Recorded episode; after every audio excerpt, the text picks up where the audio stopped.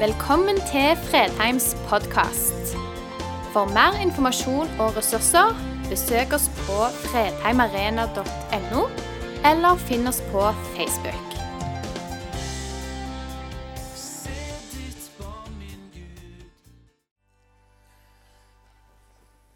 I dag skal jeg begynne med en bekjennelse. Jeg har bekjent dette før, så det er tilgitt, men likevel. Jeg er en elendig tilskuer. Når jeg sitter på tribunen, ikke minst i den perioden jeg gikk på Viking sine hjemmekamper for noen år siden, når Viking var i Eliteserien og et lag du kunne regne med, så satt jeg på Q-feltet, ganske høyt oppe. Og det var i den tiden de tjente mye penger når de spilte fotball. De hadde det dobbelte av de lønningene de har nå, og da forventer vi mer. Og Jeg satt oppe på kufeltet og var meget kritisk. Jeg hadde jo overblikket bedre enn det de har nede på banen, så jeg så jo hvor de burde ha spilt, og hvordan de burde ha spilt. Og jeg reiv meg Nei, jeg skal ikke si nå overdriver jeg litt. Jeg skal ikke si reiv meg i håret, men jeg var ganske sur ofte på tribunen. Og tenkte de fortjener jo ikke halvparten av den lønnen som de får for å springe rundt der. Og vi, Dere vet jo det, det jeg pleier å si til ungdommen. Det syndes ikke mer enn det gjør på fotballbanen. For du vet, synd det er å bomme på målet. Og Stort sett bomma de på målet hele tiden. Og du kunne jo gremmes over å se fotballspillere som betales 1 og 2 millioner kroner for å spille fotball, og så bommer de på åpent mål. Og jeg må innrømme det, Der satt jeg 40 feit og ferdig og tenkte det skulle jeg ha gjort bedre sjøl. Ja. Jeg er en dårlig tilskuer. Det, det, det, får ikke fram det beste i meg å sitte på tribunen. Jeg har blitt litt bedre på Ulf sine hjemmekamper, for jeg har litt mer medlidenhet med de. Jeg kjenner liksom litt mer hjerte for Sandnes Ulf på en måte som gjør at jeg, jeg er ikke fullt så kritisk. Men jeg har nå vært på noen hjemmekamper på Ulf hvor folk går før det er ferdig i ren frustrasjon. Og hvor kommentarene ved siden og bak deg ikke særlig oppbyggelige. Det må være tilskuer. De klassiske tilskuerne, det er de der to.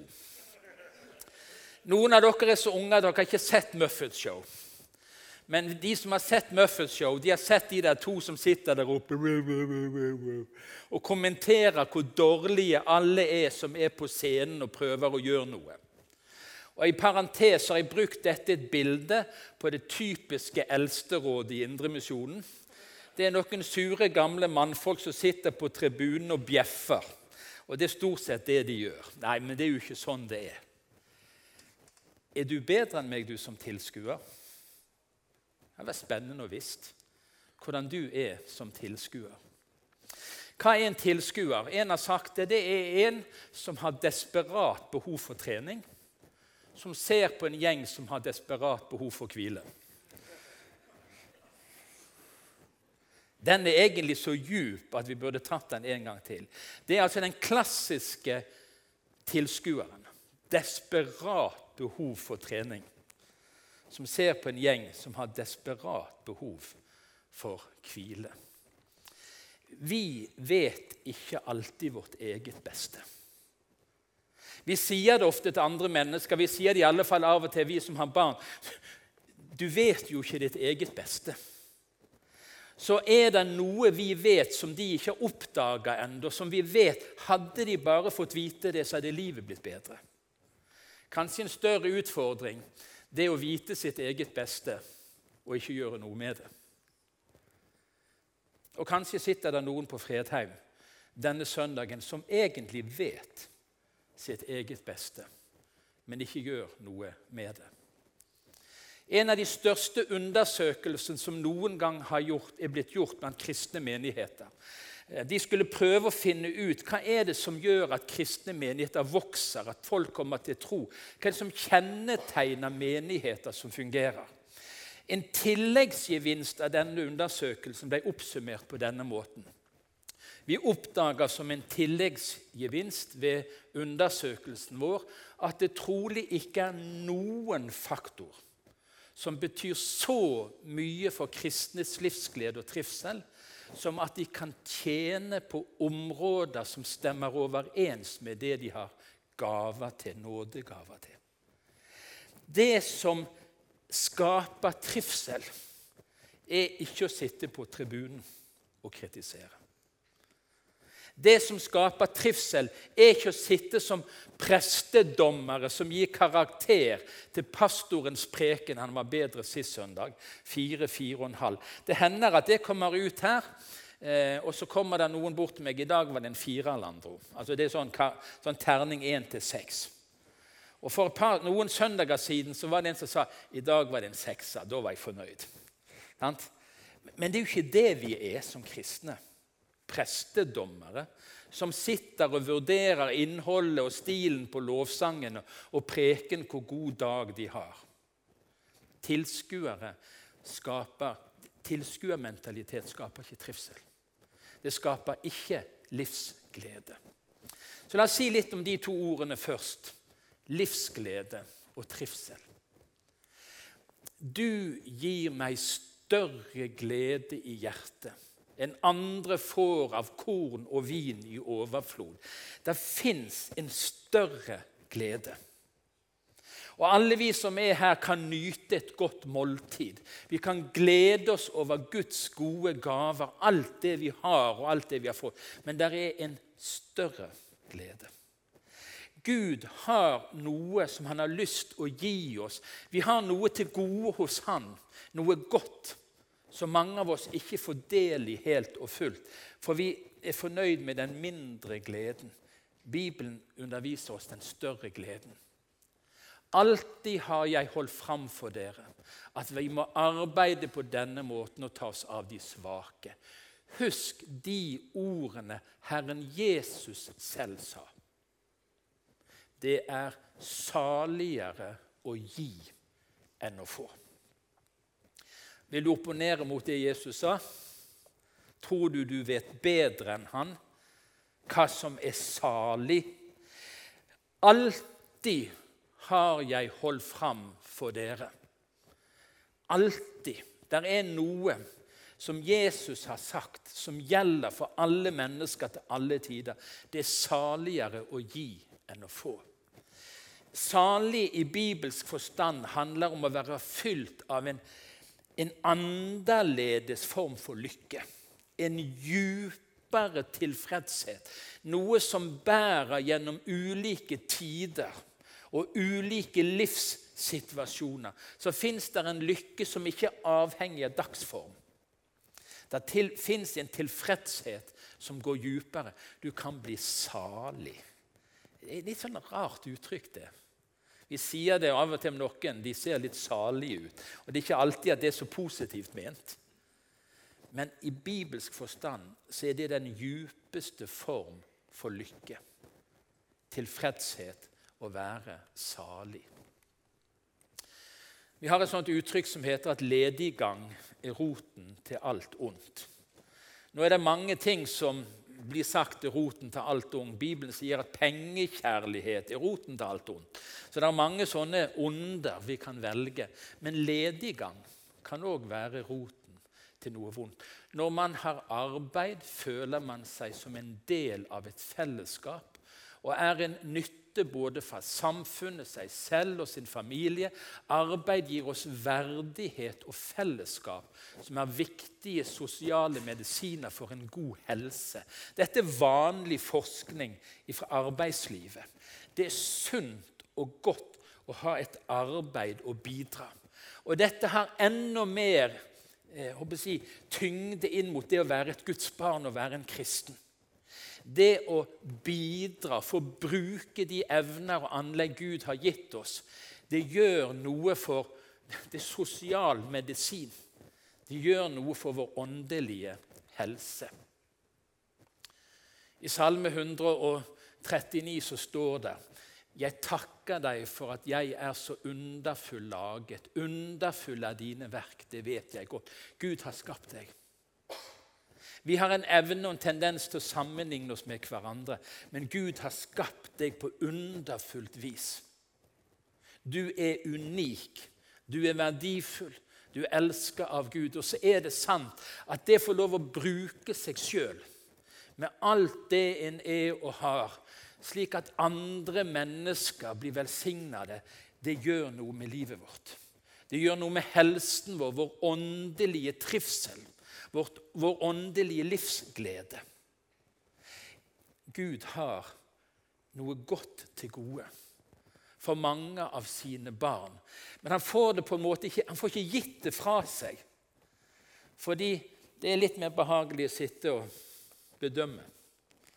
Sitte oppe på kufelt og se på de der som springer beina av seg. Så, så er det noe vi ikke får del i, som Gud ønsker å gi oss.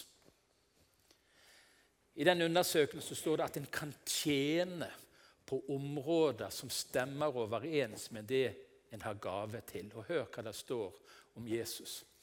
Han var i Guds skikkelse og så det ikke som et rov å være Gud lik, men ga avkall på sitt eget, tok på seg en tjenerskikkelse og ble menneskelik. Jesus er vårt største forbilde på dette området. Han som var Gud lik, han tok på seg en tjenerskikkelse.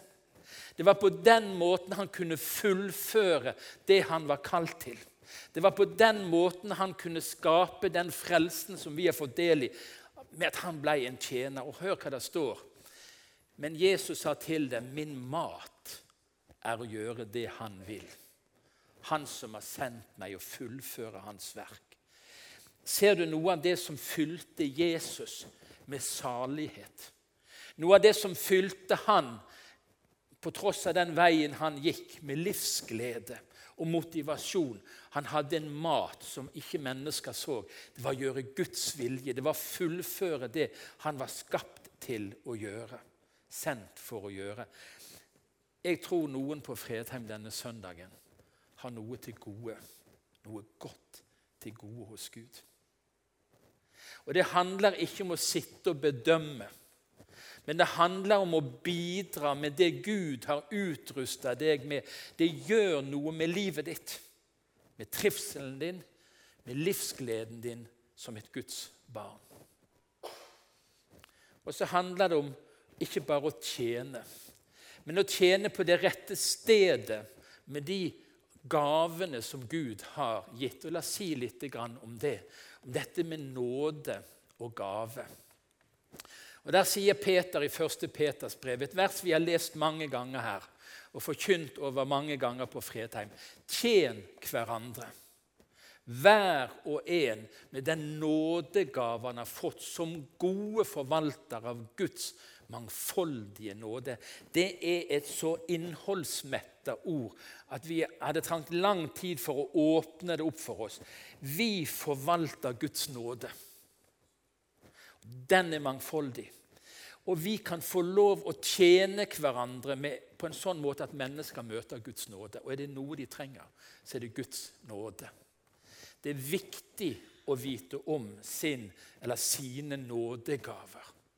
Det er viktig, for det hjelper oss å vite hvor vi skal tjene, hvem vi skal tjene, hva som er vår oppgave. Og Paulus skriver til korinterne når det gjelder åndens gaver, søsken, vil jeg at dere skal ha kunnskap om den. Det er ikke åndelig hovmod å si 'jeg tror jeg er evangelist', eller 'jeg tror jeg er utrusta som lærer'. Eller jeg tror jeg er lovsangsleder. Eller jeg tror jeg har fått en bønnegave. Det er ikke åndelig hovmod. Det er åndelig sunn frimodighet. Fordi Gud vil at vi skal vite. Vi skal ikke være uten kunnskap om de gavene som Gud gir oss. Men viktigere, og det er det jeg har lyst til å understreke litt nå Viktigere enn å vite om sin nådegave, det å leve i relasjon med Han som gir gavene. Enda viktigere enn å si 'jeg er', er å si 'jeg kjenner han', og jeg lever sammen med han'. Han får lov å møte meg i min hverdag. Han får lov å fylle mine behov. Han får lov å gi meg det som ingen andre kan gi meg. Det er viktigere å leve med Han som gir gavene, enn å vite hva gaven har. Og så er det avgjørende viktig å vite hva fundamentet for kristen tjeneste er.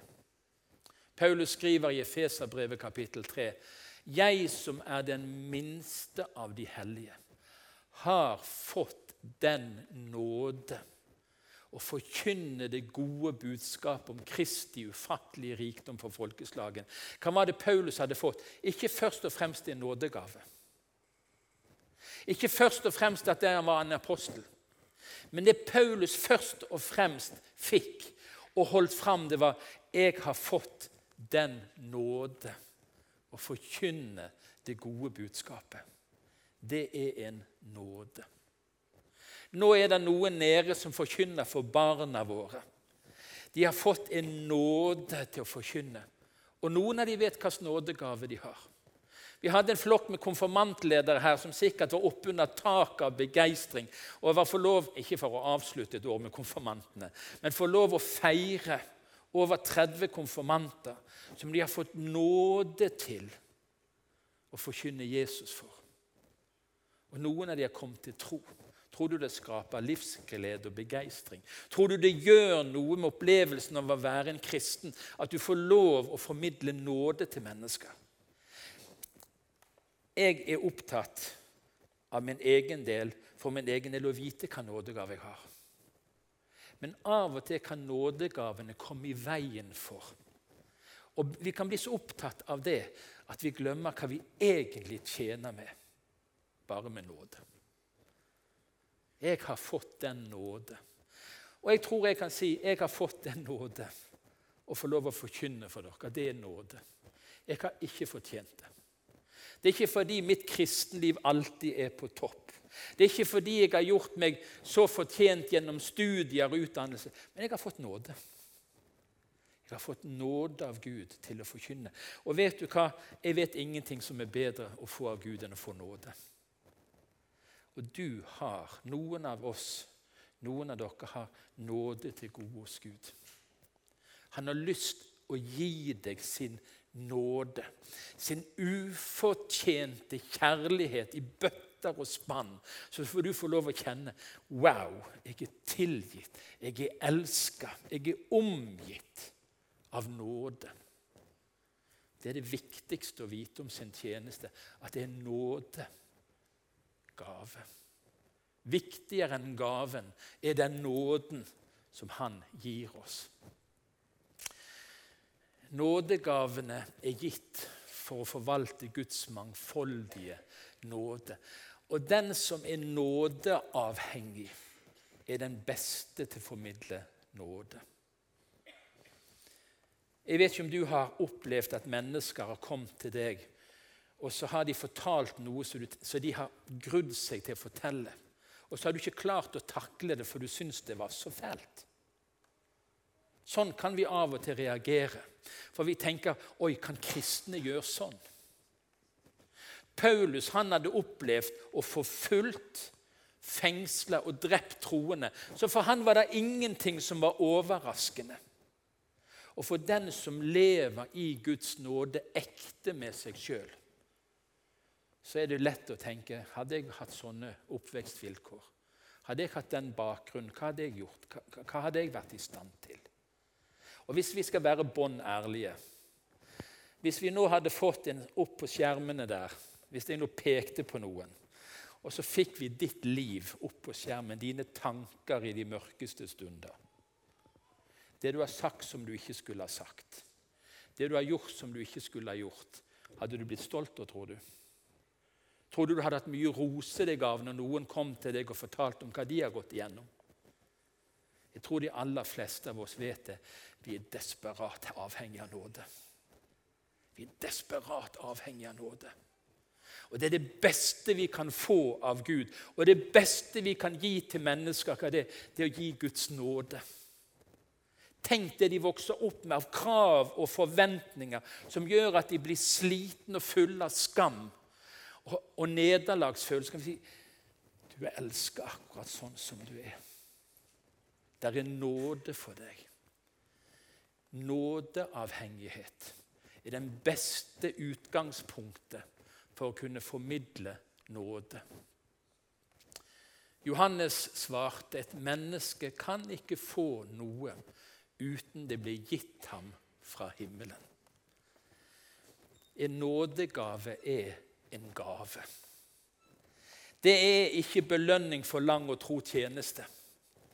Det er ikke fordi du er flinkere eller bedre eller mer åndelig og ber mer intenst enn andre.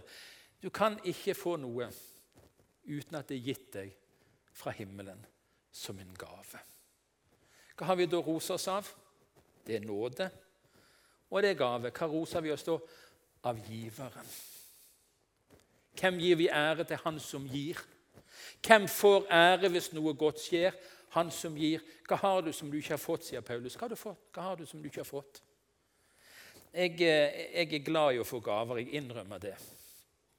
Men det er jo rart hvis jeg skryter av gaven og ikke av giveren.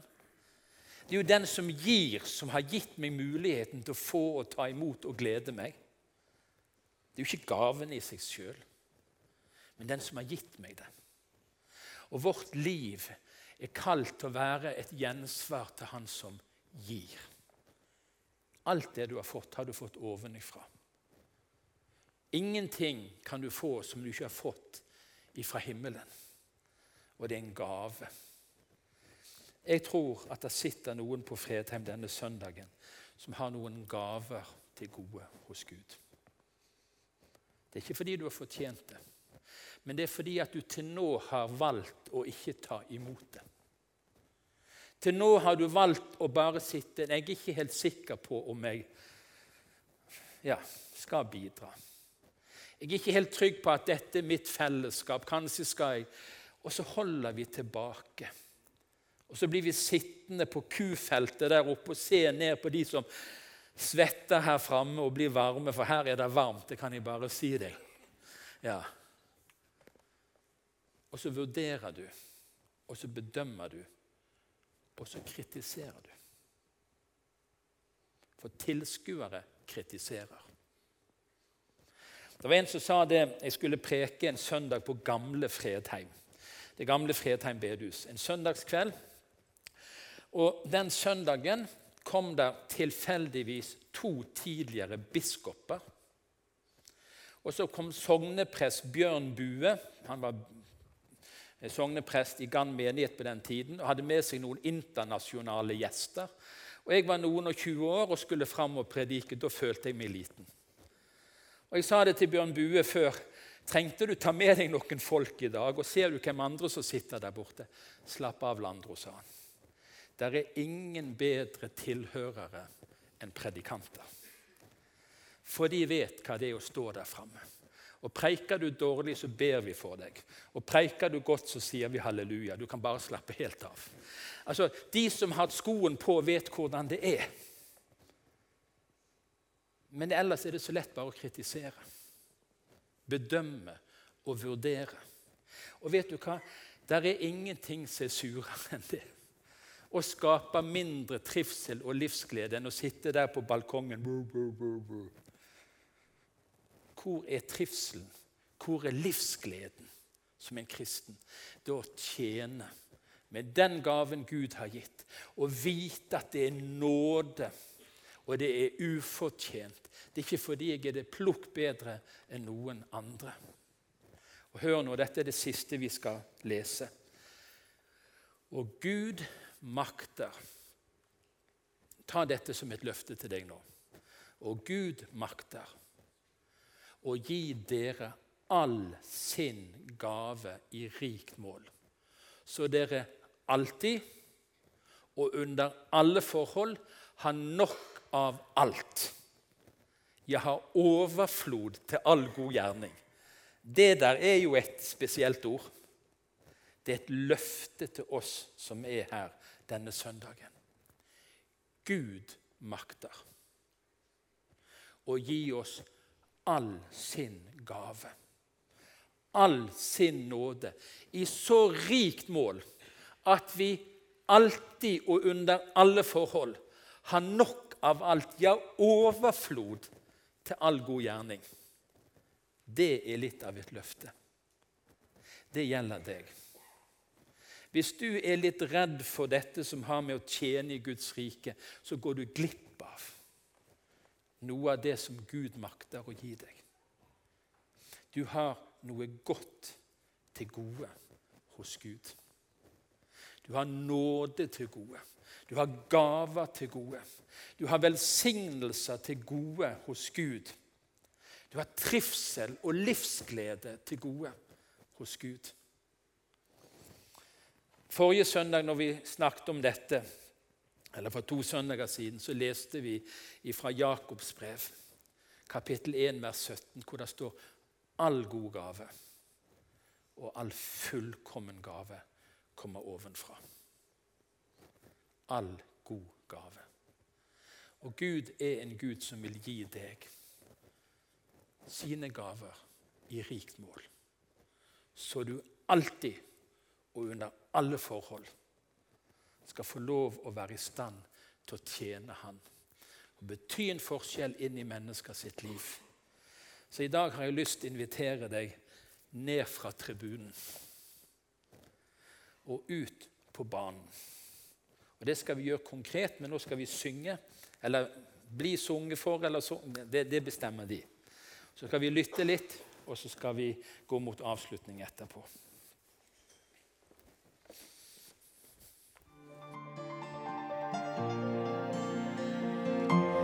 Takk for at du valgte å høre på.